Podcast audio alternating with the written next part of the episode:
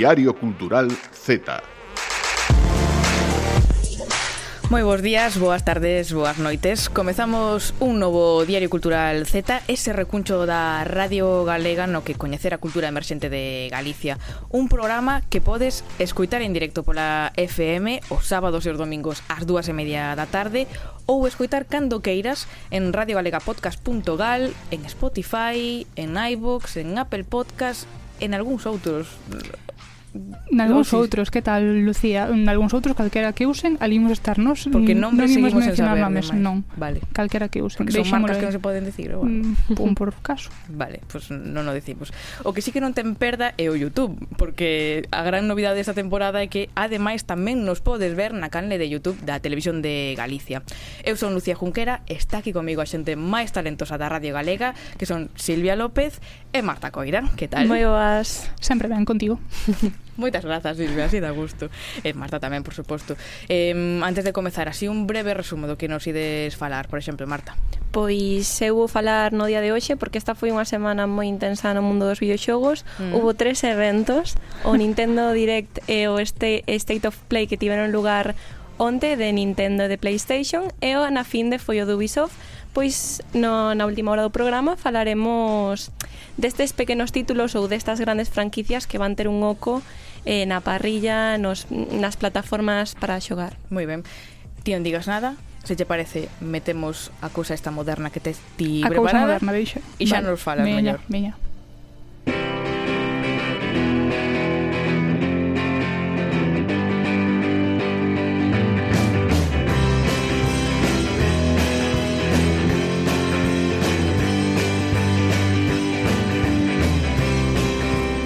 sabemos que este é un programa mm, Z, en principio, mm, por iso en principio tamén estamos nos aquí, pero como ben sabe a nosa audiencia, eh, Silvia López de Z, eu tamén, eh? Ah, Tempo. fala polas dúas. Ten pouco. E sabemos que somos mm, as menos Z mm, deste equipo Z, pero de espíritu, encantadas. Eh? Sí, somos bastante señoras. Mm, iso mm, é verdade. Pero a procesión vai por dentro, nos aquí super Zetas. Que traemos hoxe? Pois traemos ese prometido kit cultural que anunciamos a, a semana pasada porque dixemos que unha das cousas que nos gustaría facer nesta nova tempada era falar coas nosas ointes e pedirlles un pouco a súa axuda para crear conxuntamente eses kits culturais para situacións concretas. E responderon. E responderon, sí, sí, sí. Así que hoxe imos deixar as súas recomendacións e, de paso, pois, pues, coñecer que escoita a nosa audiencia. Como facemos? Pois ben, nos propuxemos unha situación no programa anterior, no primeiro programa desta tempada, e pedimoslles ás nosas ointes que nos enviasen as súas propostas de libros, de cancións, de series, de películas que lles encaixasen nun momento determinado, A hmm. situación desta semana, mm, non sei se lembrades calera, quixemos ir un pouco acorde á época na que estamos, entón dixemos, é setembro, volven as clases, a rutina, Imaginade que ides nese bus, nese tren, no coche, no que sexa camiño da cidade na que ides vivir durante o curso. Entón, pedimos vos que pensarades cal, é, cal podería ser a vosa situación, o voso estado de ánimo nese momento, en función diso, que canción podería estar soando, por exemplo, nos vosos cascos ou que libro poderíades levar nas mans, que mm, película lle pega ese momento determinado de melancolía, de alegría, en función de, do vosso estado de ánimo que pensades que... Eu levo que... sempre un libro de poemas de Tamar Andrés. Deixoche un pouco de peloteo en riba. En fin, a nosa idea era que nos mandaran audios, mandaron nos audios a noso número de WhatsApp, que imos lembrar que é o 676-658920 para próximas Repitemo. ocasións, 676-658920, e pedimos que explicaran o porqué da súa escolla, para así, entre todas, pois, poder crear ese kit cultural ou playlist, porque a verdade é que quedou bastante musical, uh -huh. para esa viaxe de volta á rutina recibimos audios, agradecemos moitísimo as persoas que nos las enviaron, son todo persoas majísimas. Descoñecidos, mm, por suposto. Un Totalmente. Aquí non se tirou de amizades para nada. en ningún caso, pero deixaronnos propostas e esta foi unha delas.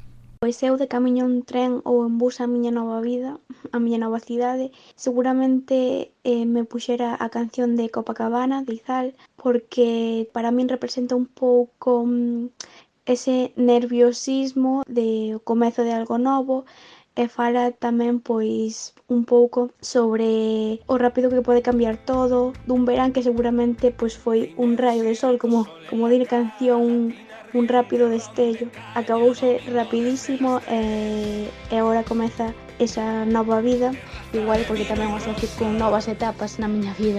Soñar despierto, dormir contigo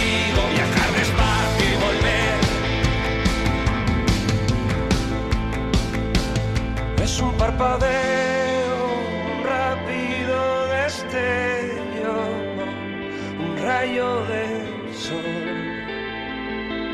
que deja ciego. Cambia en un instante la forma en que los cuerpos toman aire. Copacabana de Izal para abrir esa playlist musical, así con ese toque de incerteza e tristura por un verán que pasa rápido, pero non só nos trouxeron músicas nosas ointes, porque tamén nos deixaron propostas literarias. Pois eu creo que cando comeza unha etapa sempre temos esa sensación de nervios e a par de alegría. A primeira, polo que supón atoparse nun sitio descoñecido, e a segunda supoño que pola ilusión de algo novo. Penso que nese momento eu o que estaría a ler sería un libro de Sally Rooney porque reflexan as súas personaxes o que todas sentimos cando tomamos a decisión de comezar algo algo nun lugar novo e descoñecido para nós. E isto, eh, pois penso que é algo que acontece en todas as etapas da nosa vida. É certo que pode dar vertixe, pero supoño que o cambio é movimento. Pois nos sumámonos tamén á recomendación dos libros de Sally Rooney, dos que xa falamos nun par de ocasións na tempada pasada, creo que quedou claro que Volve que, nos gustaron. Sí.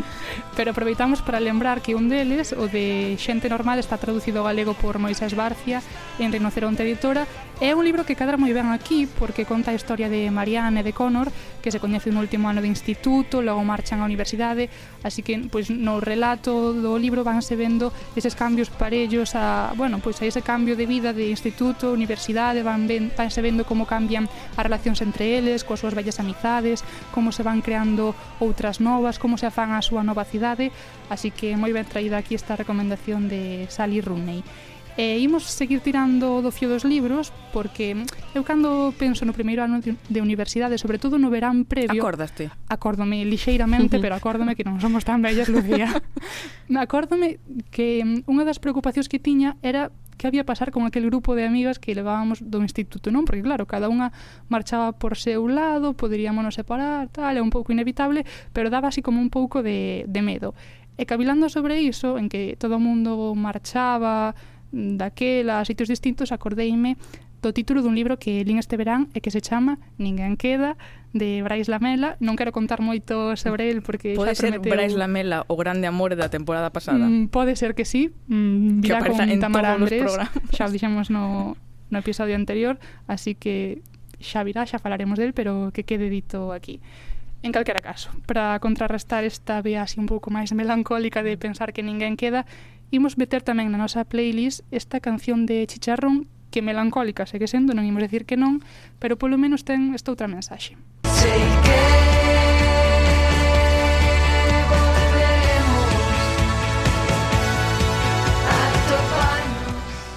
sei que volveremos a toparnos outra vez é algo que poderíamos ir canturreando un pouco no tren pensando nesas amizades que, que deixamos atrás nas nosas cidades. Por certo, a canción chamase Outono de Fíos Eléctricos. A Máis propostas.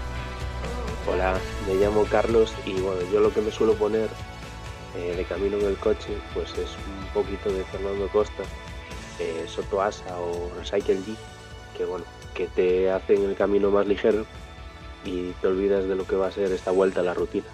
Mm, Pois para min escoller unha canción só é moi difícil, entón vou dicir dúas que aparte desas cancións que máis creo que escoito cando vou de viaxe, eh, teño unha pequena anécdota que é que cando viñen a estudiar a Santiago, eh, o, o domingo que me trouxeron os meus pais, pois foron as últimas dúas cancións que escoitei antes de entrar no que foi o meu piso.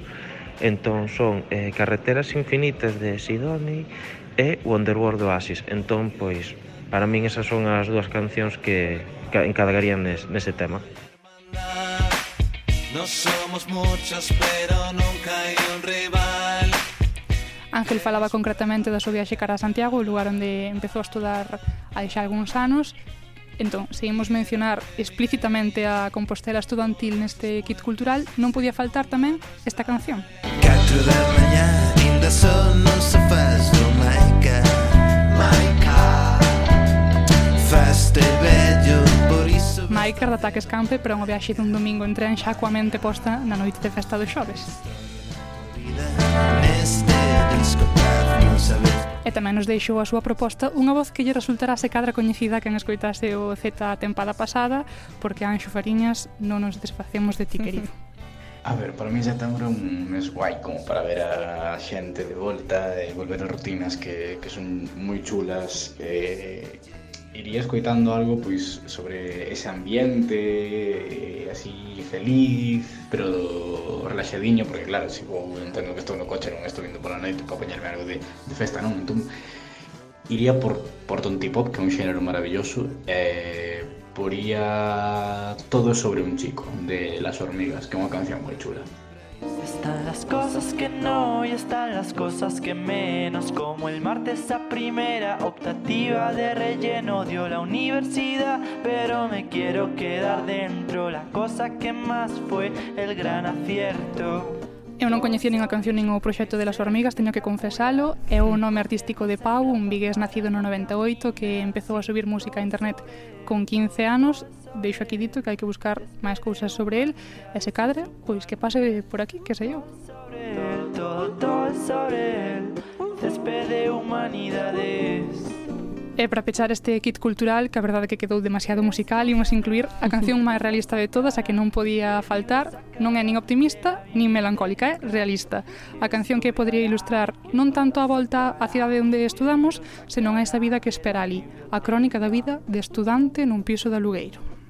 Son un caseiro. Teño diñeiro, teño diñeiro. Se queres vivir no meu piso que está todo dos enséñame a porta primeiro que son un caseiro. Teño diñeiro, teño un caseiro, son un caseiro. Ei, son un caseiro, un borrico, un usureiro. Alquilo chato un vertedeiro. Todo que quero diñeiro. Se non funciona nevera, se non baño e cheiro Só me paso polo piso para... Sabes o que voto eu máis en falta de comezar o curso, eh, pero estudar e non vir traballar? Só unha cousa. Moitas, a pero a principal é eh, que sou o despertador unha mañá e eu non ter ganas ningunha de ir, é dicir, poder non, non vou. Ir, xa. Mm. Eso pero aquí fantasía. teño que ir todos sempre hai que vir. Non podes fallar. Para iso é unha canción? Seguro que sí. buscamo para seguinte, vale. para seguinte. Para os deberes. Diario Cultural Z. Cumbia.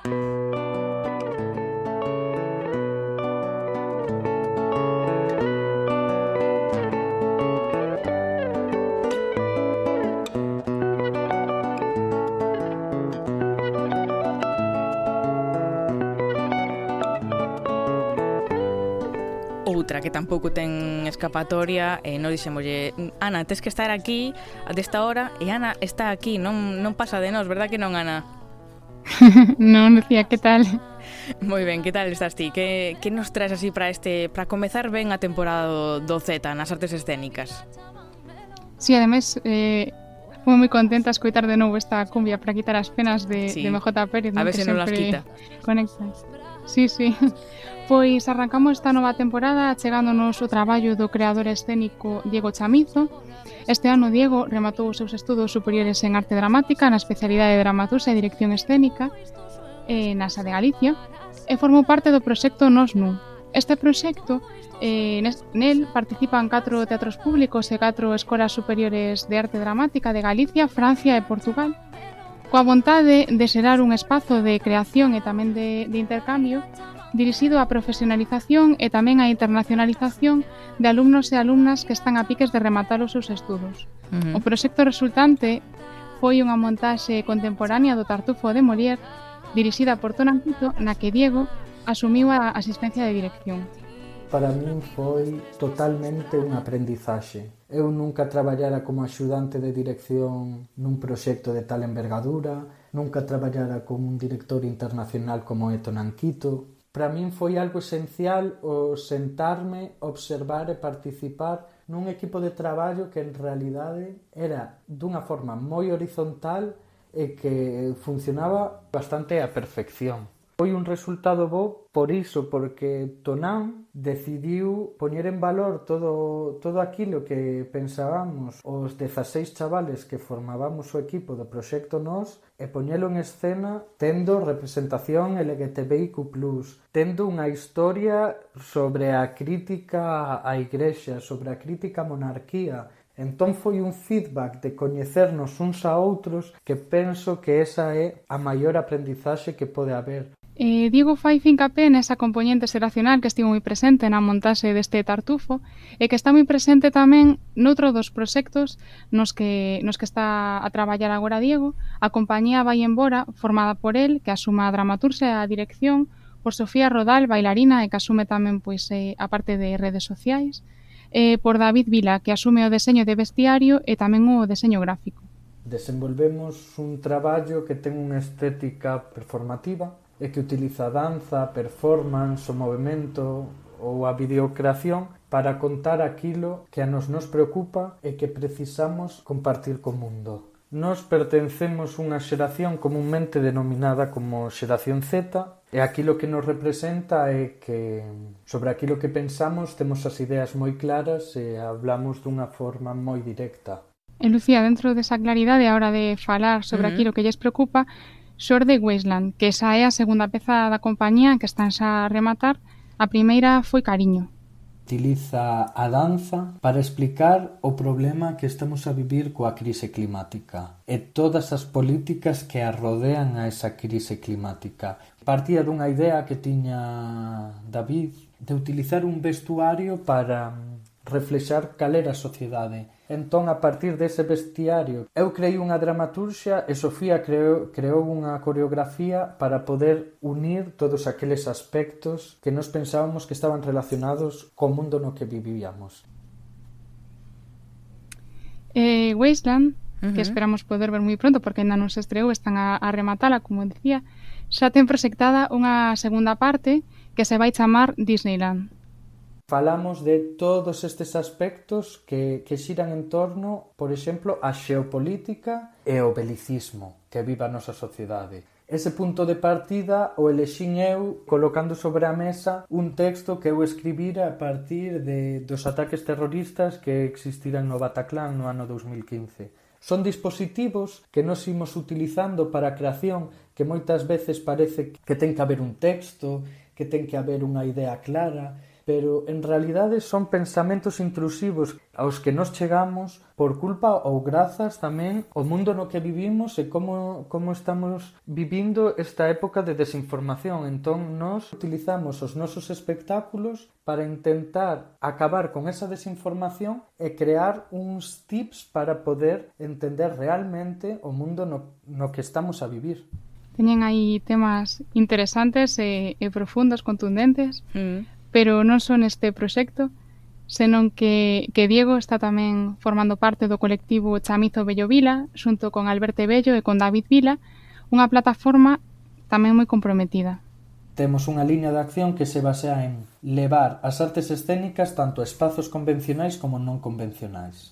Outra liña de acción consiste en traer das marxes elementos para a creación, é dicir, todos aqueles aspectos que nos de forma marxinal nos podan axudar. Exemplo claro disto é a violencia LGTBI contra as persoas, toda esa cultura marxinal que significa colectivo LGTBIQ+, o traemos ao centro para contar que é o que sucede dentro deste colectivo cando sai á rúa. Logo tamén, por exemplo, formato work in progress que utilizamos nas nosas creacións tanto para abaratar custos porque a creación escénica é moi cara e tamén para testar as diferente, os diferentes dispositivos e, e as diferentes partes que nos imos creando nun espectáculo. E contamos con colaboración con outros artistas que, por exemplo, neste primeiro espectáculo Menudo Día contamos co apoio de Miss Base e tamén contamos, por exemplo, con textos de autores como Roy Galán. Pero aquí Diego está metido en 20.000 saraos. Sí, sí, está en, en varios proxectos e, e de feito é o que comentaba, non? O, o tema este de, de traballar dende o, o work in progress, non? Mm. Que fai que cada peza estea moi viva porque a van mostrando en, en diferentes lugares e eh, en cada un pues van engadindo elementos novos. Claro. Este ano estivo esta peza Menudo Día estivo en, en Cangas na Mostra Internacional de Teatro Cómico Festivo e eu vina ali. Uh mm-hmm. -huh. Eh, estade moi atentas tamén podemos dicir, Lucía, que se vai poder ver agora en outubro con novidades, con novos elementos no vale. Fío de Carballo. Así Nace que, por parte da Diego invitación con... do Festival Teatro Mínimo Ambulante que se desenvolveu o decembro pasado na Fundación Luis Seoane. Nos estábamos a cavilar que era o que podíamos levar a ese a ese festival e entón Alberto Bello, o performer desta, desta peza, sufre unha paliza ao berro de Maricón de Mierda. Entón, todo ese suceso nos queríamos contalo en forma de performance e xurdiu unha pequena performance que ao final conseguiu que nos xuntáramos os tres e creásemos unha peza. En cada lugar ao que asistimos sempre hai material engadido que non houbo nos outros lugares. Nos pretendemos que a principios de 2023 xa teñamos o espectáculo final coa estrea absoluta. Meteusenos aí ese corte, pero estábamos escutando a, a Diego falar de menudo día, non, Ana? Sí, estaba a falar de, desa primeira peza, Menudo Día, que tamén podíamos eh, escutar un, un fragmento do, do teaser para abrir máis o, o apetito na espera uh -huh. desa estrela absoluta eh, vai ser a estrela absoluta da, da peza final, pero que falábamos que se podía que se pode ver agora en, en Carballo vale. e avisamos que é un menú con pratos moi duros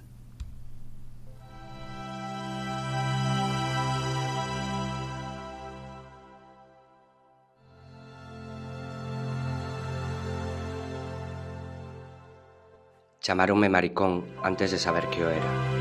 Unha forma de poder, unha maneira de coller un a un os meus órganos internos para facer unha boneca con eles e poder cuspirlle en riba. Asasinante o berro de maricón. Asasinante berrando todo aquilo que debe ser estirpado, sacado pola porta de atrás,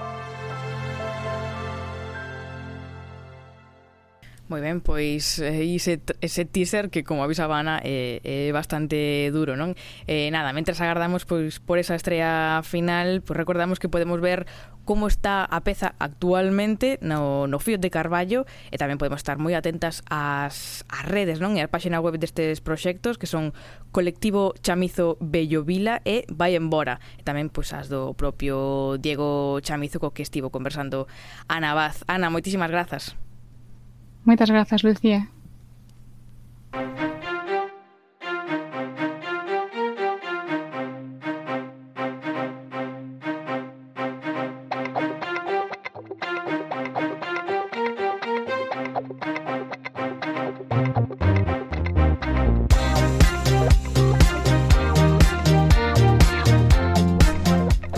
non sei que vos parece a vos, pero eu penso que vou agora para, para viaxar un pouco é para botar abaixo o telón mm. de grelos. Moi ben.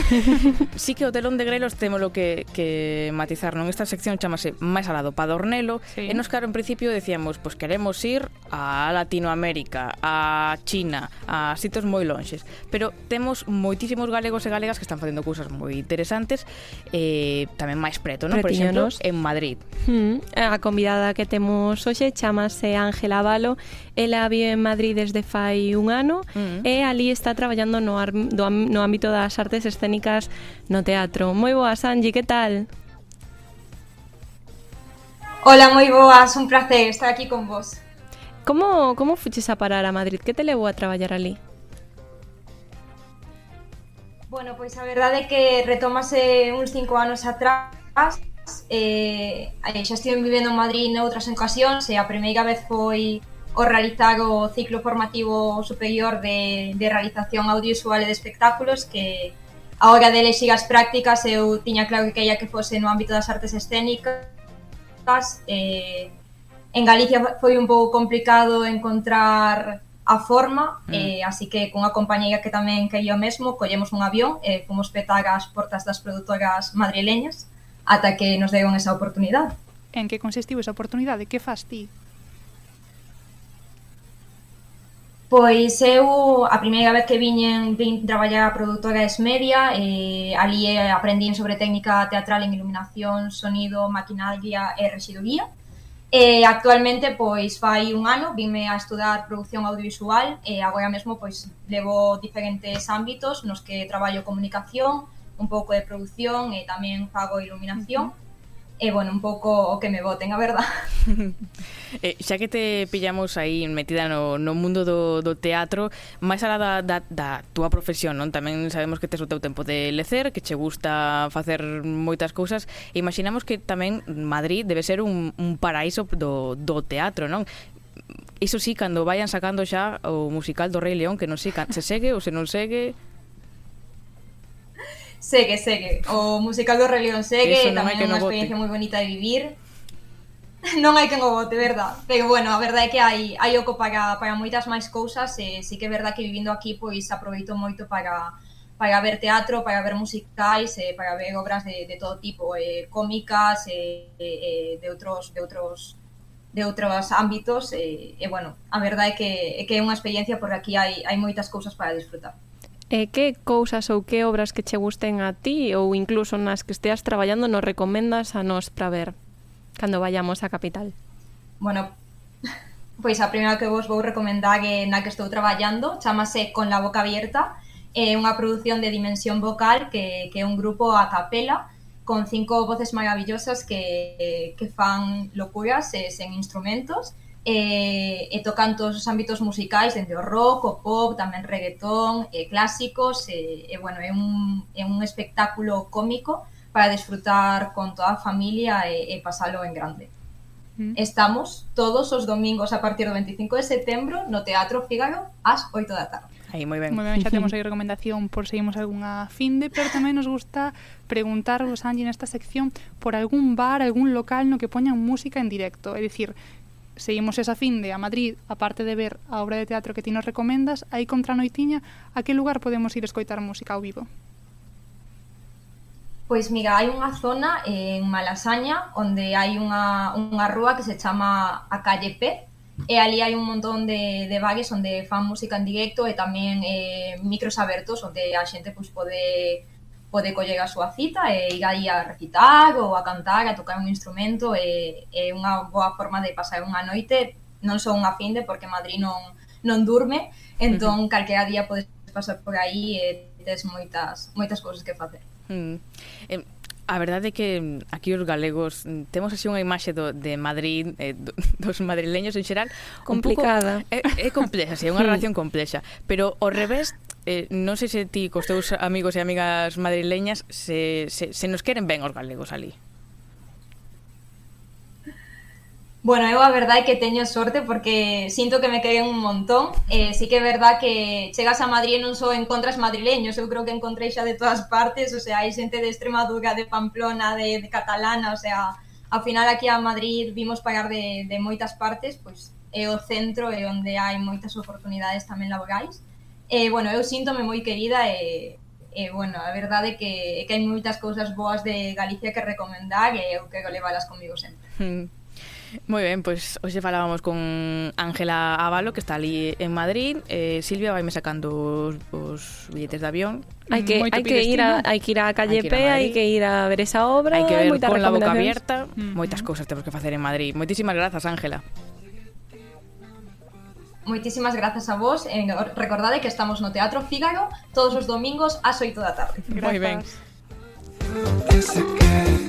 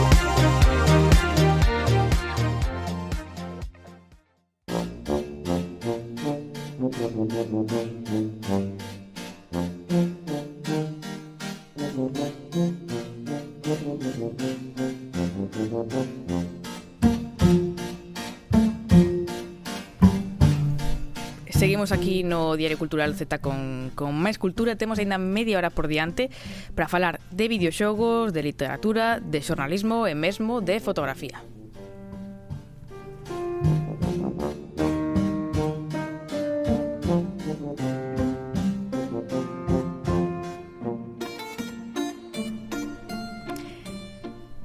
Marta, Silvia, eu non sei se neste tempo tivestes tempo xa de ler O Señor dos Anéis de ver as tres películas de, eh, de poñervos a odia ca, ca serie. Estamos en non. proceso. En proceso, que significa en proceso? Eh, que hoxe a noite, hoxe mesmiño comezo a serie. Nunha Serve. semana pidías demasiado. Claro. Nunha semana podes ler moitísimas Estamos cousas. Estamos falando do Señor dos Anéis.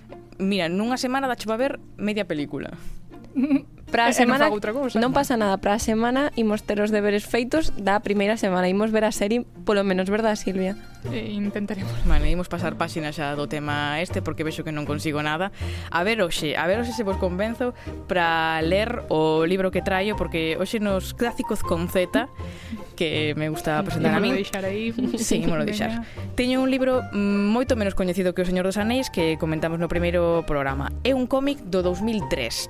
E aquí ven a primeira dúbida, non se estades de acordo en que os clásicos pois non teñen que ser do século pasado, non? Por suposto. Un clásico é un un fenómeno, digamos, atemporal un pouco. Exactamente, porque nós, por exemplo, somos a, a prova, non? Somos zetas, somos temos clásicos. eso des clásicas. Pero non sei será moito dicir, pero bueno. Ti és moi clásica, sí. Silvia.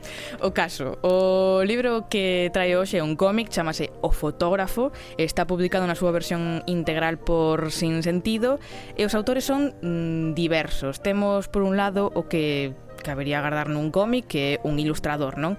Ese é Emmanuel Guibert, eh, o gañador do Premio de Angulem no 2020.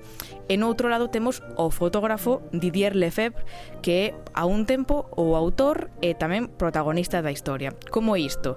Pois abrindo un libro nunha páxina calquera, tanto ten, eh, xa nos damos conta de que non é un cómic mm, normal. Algunhas viñetas son ilustracións, pero outras son directamente fotografías. Por iso, o da coautoría, non?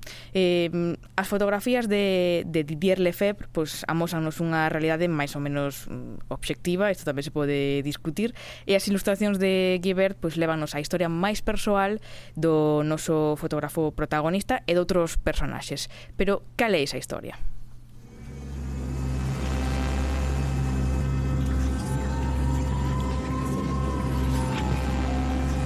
Imos a ela porque non é menos importante. A historia sitúanos en Afganistán en 1986, durante a ocupación soviética.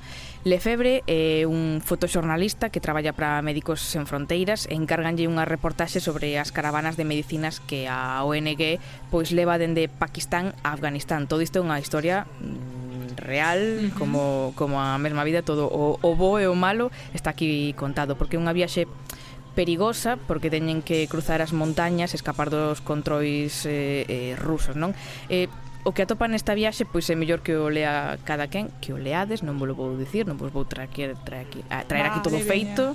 Ten mellor pinta para sí, para nos Parece que entra máis. Estás me dicindo que o da semana pasada non che gustou que está en proceso, pero este está antes. Hai unha listaxe, vale. vai directo ao primeira vale, posición. Vale. Sí que hai unha escena que, que a mí me gusta moito, en na que uh, a este fotógrafo pues, lle suxiren que, que, que colla un arma para defenderse, el claro, el di que como vai facer iso, que nunca nunca disparou a ninguén, non? E, e ao mesmo tempo están nos ensinando unha pues, unha ilustración con el a, apuntando coa súa cámara, non? Que, que así unha, unha das metáforas.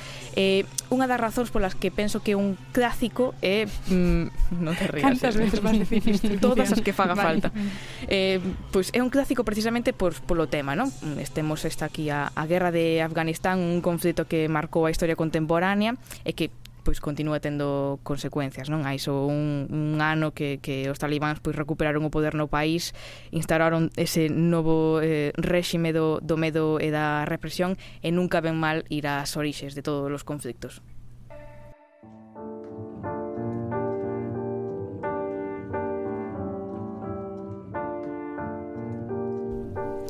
Aquí tamén outro dos temas, porque probablemente sexa, mm, eu non sei se vos coñecedes outro, eh, long cómic así de longo formato que mestura ilustración e fotografía. Non sei se dos moi afeccionados ao cómic.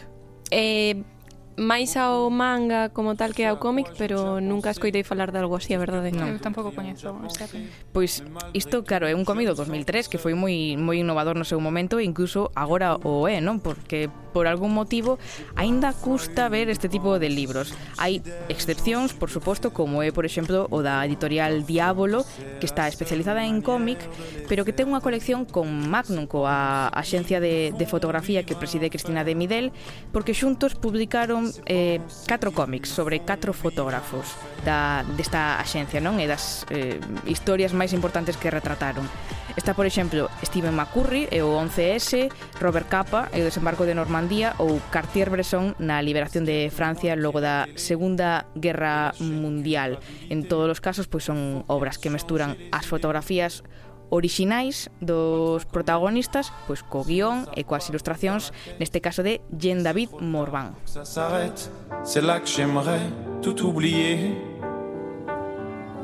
Du coup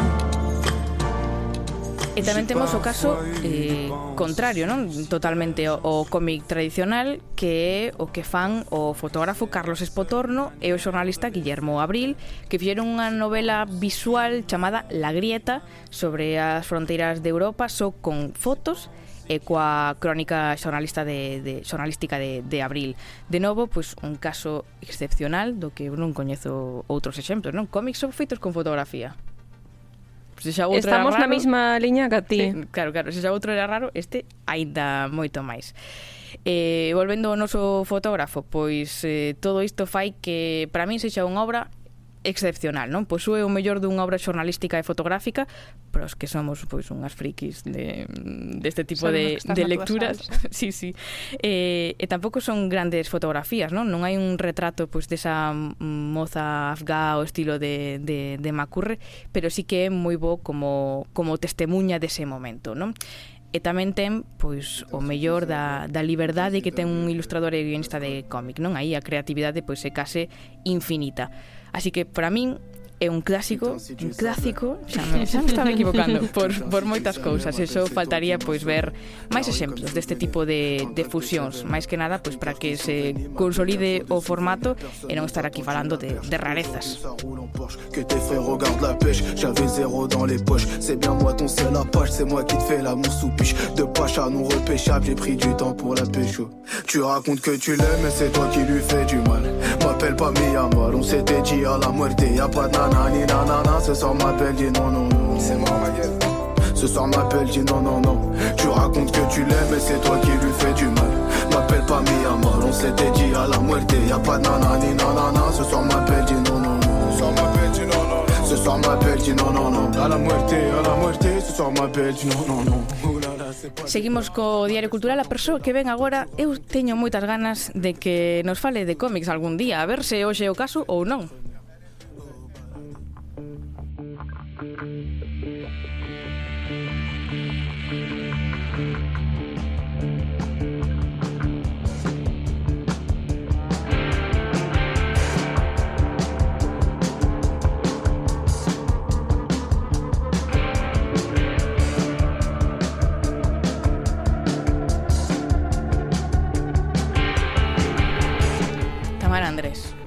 É a terceira vez que me cambias de sintonía. Eu así despístome. E non imos falar de cómics. Non imos falar. pois sinto moito. Eu recollo os meus papéis e marcho daqui. Só che dou desgrazas, Lucía, sí. sinto moito. Cambiamos sintonía porque hai que renovarse de cando en vez. Iso é verdade. a min gustame moito. Que apunta aí, cambiar sintonía mm, de vez en cando. Está ben cambiar a sintonía, pero cando hai cousas que gusta, que funcionan, para que cambialas? Tiñamos a Enxeito na segunda tempada. Sí. E agora temos a Moura, que veño aquí equipada, aproveitando que temos eh, televisión. Eh, non sei se coñecedes Moura, é unha banda coruña coruñesa que fusiona o rock progresivo, o rock psicodélico co folclore galego, unhas cousas que a mí me gusta moitísimo e recomendo vos que vexades o videoclip deste tema, o baile do dentón. Eh, sabedes o que é o dentón? Algo sabe. Veña, Silvia. que nos fagas esa pregunta, non? Diría Silvia. Pero es que non sabemos que Eu chamaballe Cornecho, miña madriña. Sí, efectivamente. Eh, bueno, se vedes a descripción do videoclip, eh, ten como as variantes eh, sí. as variantes léxicas, non? Que ten que ten esa palabra e vou vos ler exactamente o que pon. É un dos nomes que recibe un fungo dos cereais, especialmente o centeo, con propiedades medicinais e do cal se sintetizou o LSD. Responsable da intoxicación de moitos campesiños cando se cocía o pan, esta sustancia causaba delirios e alucinacións. Droga. Moi efectivamente. Silvia. Efectivamente.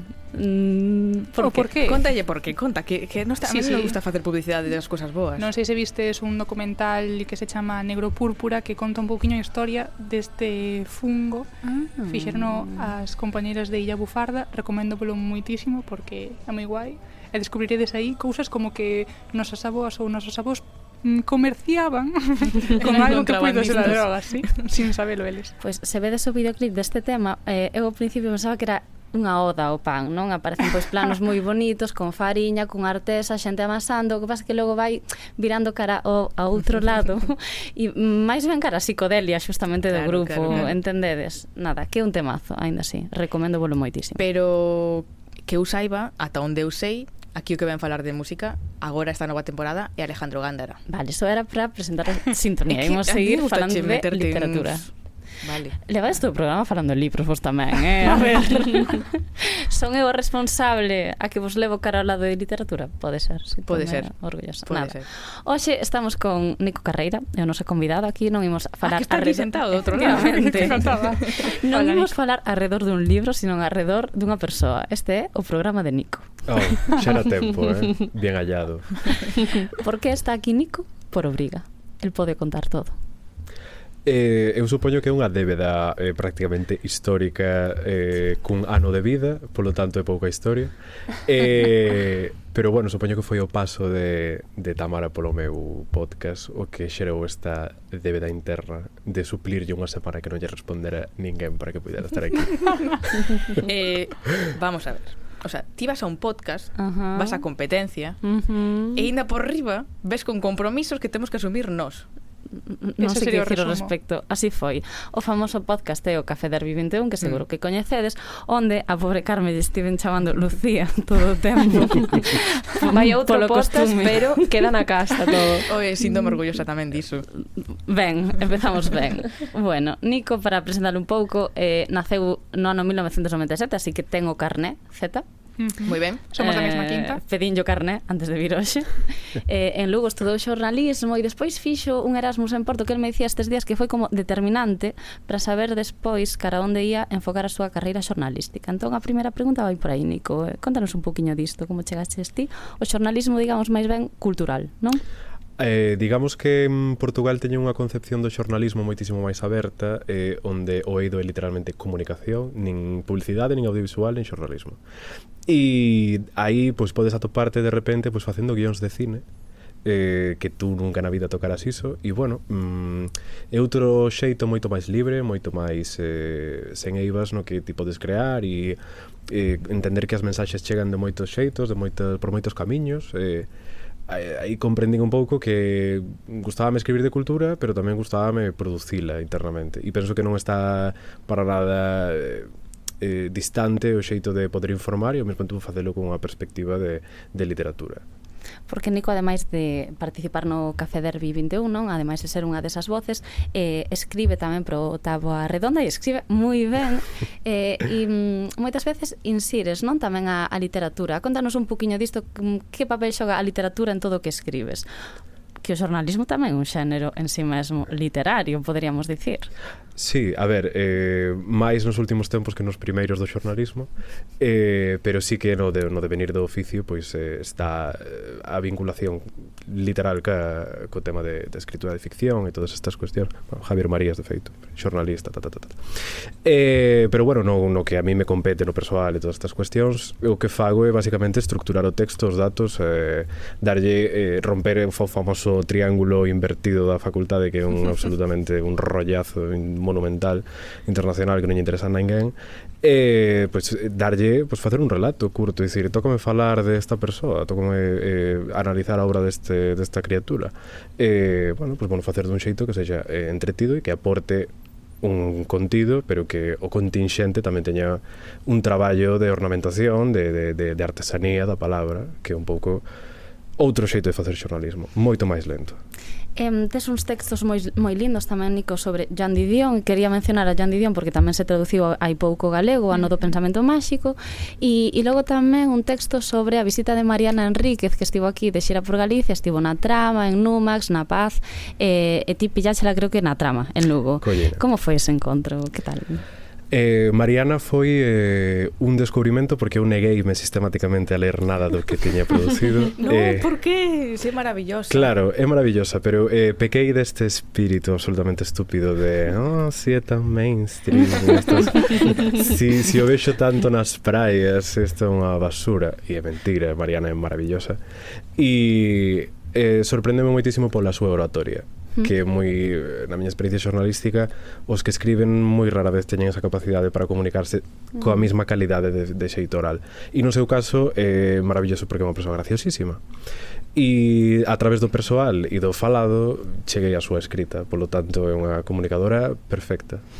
Vale, e agora imos falar xa dos deberes que che puxen Porque no Vamos. Café Derby houve un momento onde eu fixen unha pregunta Eu ali puxenme en calidade de pois entrevistadora como estou aquí E dixen, quen le poesía aquí? E entón Nico respondeume Eu teño libros de Lana del Rey E eu, a verdade é que quedei un pouco chocada Entón dixen, cando veñas ao Diario Cultural eh, Tes a obriga de falarnos de algo de poesía galega Creo ben. que che fixen esa encomenda Así que é a túa quenda.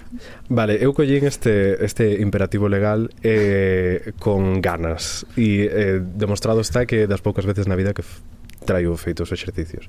Eh, de entrada, declararme absolutamente inocente dos cargos dos que se me acusa, porque eh, teño no meu corpus literario polo menos tres eh, poemarios galegos que non podo recitar en un só verso ou ao mellor podo intentalo pero nin, non gañaría ninguén nin eu nin o texto e, e entre eles están eh, os teus dedos na miña braga con regra que brutal nos nus tamén e eh, Baleas e Baleas mm. son tres dos meus tal E despois, o meu poemario favorito absolutamente non é galego, pero está traducido ao galego mm. por edicións positivas, que canto a mí mesmo de Walt Whitman.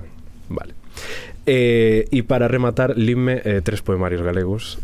Eh, que mandaviñas ao, ao longo do verán. E podo dicir mm, ampliamente que non me gustou ningún Eh, a verdade, vas decir nomes ou dito eso xa Podo dicilo, non teño ningún tipo de problema. Adiante. non, non culpo os autores de nada. Eh, Negras de Daniel Osorei mm. mm Sinto, pero non eh, os eidos de Xeno Boneira. eh, no. Estamos aquí a destruir todo. E despois... Eh, Carreta d'Auga, creo que se chama autora, Malcriada, en Edicións ah, Positivas. Car carro de Augas. Carreta de Period. Eh, tampouco me entusiasmou. Foi o que menos dos tres. Ben. Eh, negras está ben, pero mm. xa, suficiente. Valoracións? É que vos pensade que eu agora vou um, ao ámbito mítico, a residencia literaria da Fundación Uxona Boneira. Entón eu creo que esta parte do programa vai ter que ser suprimida. Que es que cortemos. vale, vale. No, no pero eu teño, eu teño moi boa relación coa familia Novoneira, non pasa ben, nada. Ben, grazas. Non pasa nada, grazas, simplemente é que se foi Mario e non me... Ben, e eh, por último, fixeches así algunha lectura máis alá da poesía, máis alá incluso do galego, incluso do galego. Voluntariamente. Voluntariamente, Imagínate, que nos Dios recomendes? Mío. Eh, que vos recomende, mira, eh, isto é unha terrible, isto é unha, unha patochada que vou dicir, mm. pero probablemente o libro de, que lin este verán dos que máis me gustou, pff, non me podo creer o que vou dicir, eh, O banquete de Platón, eh, absoluto, todo contrario ao Z mas ben a primeira letra é alfa. En, en, eh, que momento, en que momento? a ver, eu isto viña... é un clásico, un clásico. Tamara, por eh, favor. Gracias Tamara. viña de ler eh, Cauterio de Lucía Ligmaer. Mm -hmm. horrible. Eh, eh, lin a, a biografía de Oscar Wilde por André Gide. Ben, gustoume, entretida. Eh, linme Las cosas que perdimos en el fuego de Mariana Enríquez. Moi recomendable. Mm. E, e entón dixen moita cousa contemporánea. Vamos coller unha cousa bella, moi bella, extremadamente bella, desfasada no tempo. O banquete de Platón. E gustouche máis? Entretidísima. Mm. moi divertida. Reconcilíme con Aristófanes.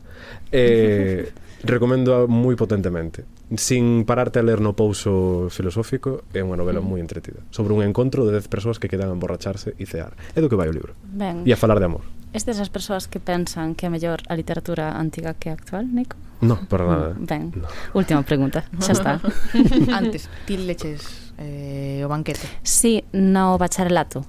Non teño moi, moi, moito recordo, a verdade. Sei que me gustara, pero non, non o recordo moito. En grego. Ademais. Pois nada, que eh, un clásico con Z para os sí. seguintes programas vou ter que ler o, o banquete xa que o recomendan aquí. Mm, entón o de Cauterio non. É que iba a comezar agora a lelo. Quer dicir, eu se a alguén lle gusta, é genial, pero a mí me parece moi barato. Hoxe estáme desmontando aquí moitísimas cousas. Nico. Pero agradecemos tamén, eh, que nos abras os ollos a No, me non, que É que non, non son moi entusiasta da crítica pelotera. moi ben. Nos aquí tampouco, é que nos gusta criticar ben. Perfecto. Entón, Tamara, mm, para seguinte, un cómic Teño que buscar algún cómic. Teño un aí na recámara, aí no collar. Que Nico ven, eh? Nico sí, gustoume sí, sí. moito. Pero é certo que non trouxemos Sí, unha vez, o de Liv Stromskit. E que, e que no se podes contalo, se, se podes contalo, ah, sí, unha vez. Non, sí, non vale. Ben, non queda moi ben, ben iso, eh? eh to, tomo nota, tamén fago os deberes como Nico. Vale, moi ben. Pois despedimos vos xa para que vayades facendo os deberes Pañamos ou se queredes escutar eh, cousas sobre videoxogos, tamén estades convidados. Diario Cultural Z.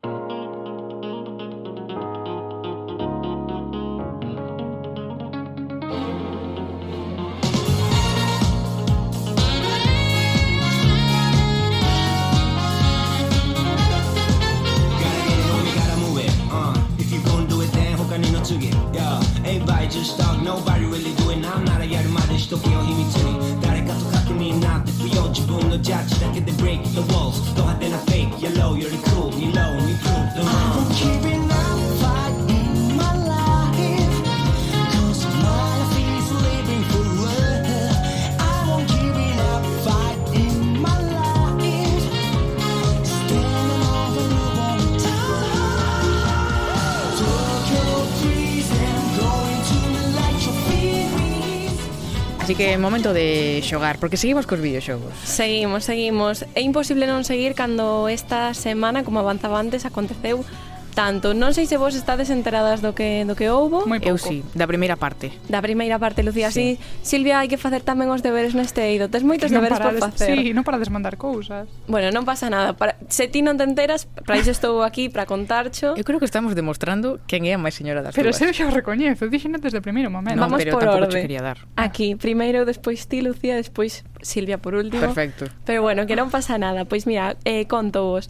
Onte tivo lugar, por unha parte, o Nintendo Direct, e diredes vos, pois que é isto? Pois un evento celebrado por esta multinacional, onde eles contan pois as novidades, os xogos, que van ir chegando nos próximos meses á plataforma Switch. Este é o terceiro evento deste ano, teñen moitas novidades para sacar. E que pasou? Que se dixo? Pois podemos avanzar que foi un evento onde volveron franquicias, anunciaron uns cantos xogos indies e outros xéneros que xa son apostas seguras. Imos, en primeiro lugar, comezar polo importante, polo que causou sensación.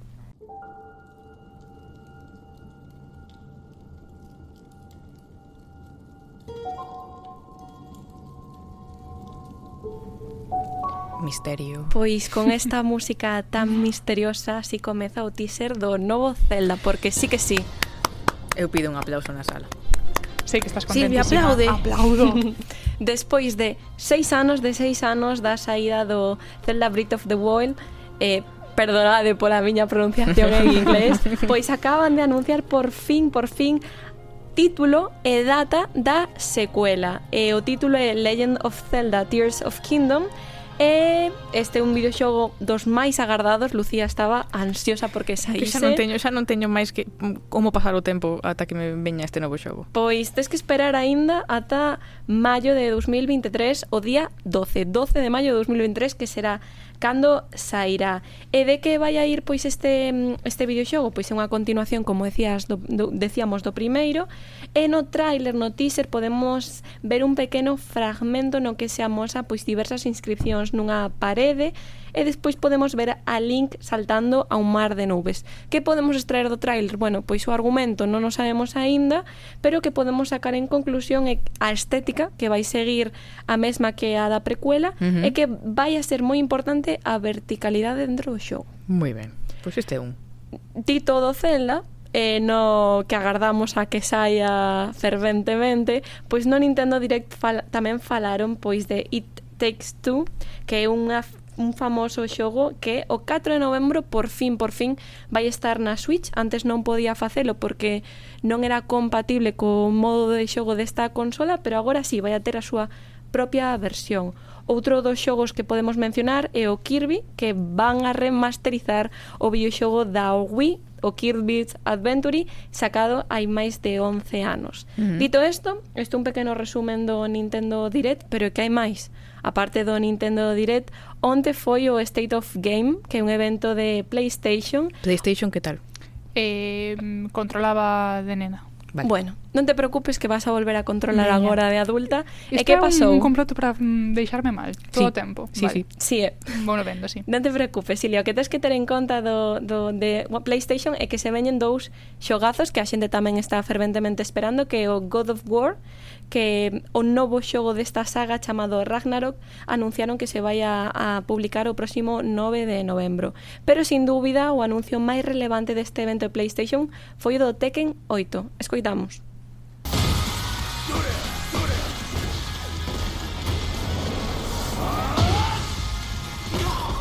Isto que, que soa de fondo tedes claro que é unha pelexa como non unha de tantas que vai haber nesta aventura que é algo que nos ten acostumbrado este videoxogo E no trailer faixenos un pequeno adianto dun dos combates, neste caso das personaxes Jin e Kayuza. Eh, esta edición, a oitava, como ben dio o seu título, pois traerá consigo outros personaxes, pero seguirá a liña da historia das edicións anteriores. Non hai data, temos teaser, non hai data, pero bueno, podemos ver que eh, no tráiler podemos ver que todo o xogo, podemos ver a súa ambientación, a súa estética, son imaxes non renderizadas e a verdade é que vai merecer a pena o que saquen. Moi ben. E xa para ir rematando non podemos acabarse mencionar o evento de Ubisoft que tivo lugar esta pasada finde e aí anunciaron que todo o seu catálogo en primeiro lugar moi importante escoitade ata o 10 de outubro todos os xogos do catálogo de Ubisoft van a estar gratis todo, ¿Cómo? desde as franquicias como Assassin's Creed. Iso existe. Sí. Pois aproveitade, aproveitade que hai xogos moi bons. Silvia, aproveita, Silvia, aproveita para poñerte e tal. E nada, pois aí que presentaron sobre todo entre as novidades que presentaron é a do Assassin's Creed Mirage, que desta vamos a escoitar o tráiler.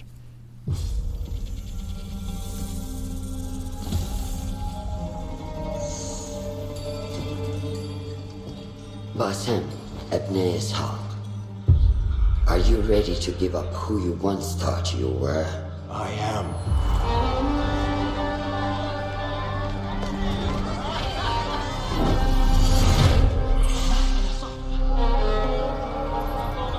Pois a nota de a nota de nome Assassin's Creed Mirage, que así se vai chamar esta entrega, vai ver a luz no 2023. Tampouco hai data, hai que esperar un pouco, hai que esperar un pouco por todas as novidades que traemos, pero bueno, que esta é unha nova entrega que podemos decir que se pretende volver ás raíces da serie para quen sexa fan desta saga que sepa que Este Assassin's Creed Mirage vai estar baseada no Unity, no xogo lanzado de 2014, uh -huh. e a súa intención é claramente a de mellorar e modernizar aquel título que na súa época pois non funcionou tanto. Agora queren traela de nova, novos gráficos, novas formas, novas mecánicas e ver que poden que poden sacar de ali. Como mencionábamos, non hai data confirmada, pero que si se sabe que vai estar disponible para PlayStation a 4, a 5, para o ordenador e para a Xbox. E nada, e outra para ir rematando xa, podo decir que tamén se anunciou que van a salir tres xogos para móvil eh, entre a colaboración que ten preparada Ubisoft con Netflix. Moi ben. Moita pois, novedade vexo aquí. A mí o que me é xa é moita hora para marchar para a miña casa, eh, xogar ao Zelda, mentras agardo polo... que está de balde hasta o día ese, ese sí, teño que mirar todo isto que está de balde e xogar ao Zelda mentras agardo polo seguinte. Eh, podemos quedar a xogar se queredes. Un día, podemos. Cita. Así, así igual Silvia colle, lle colle gusto os videoxogos. Que a ver, Silvia, por favor, Silvia, un día xogamos. Vale, tranquilo. Vale, moitas grazas. Pois nos acabamos aquí e eh? a semana que ven volvemos con moitísima máis cultura Z. Escútanos tamén no noso podcast e no Youtube.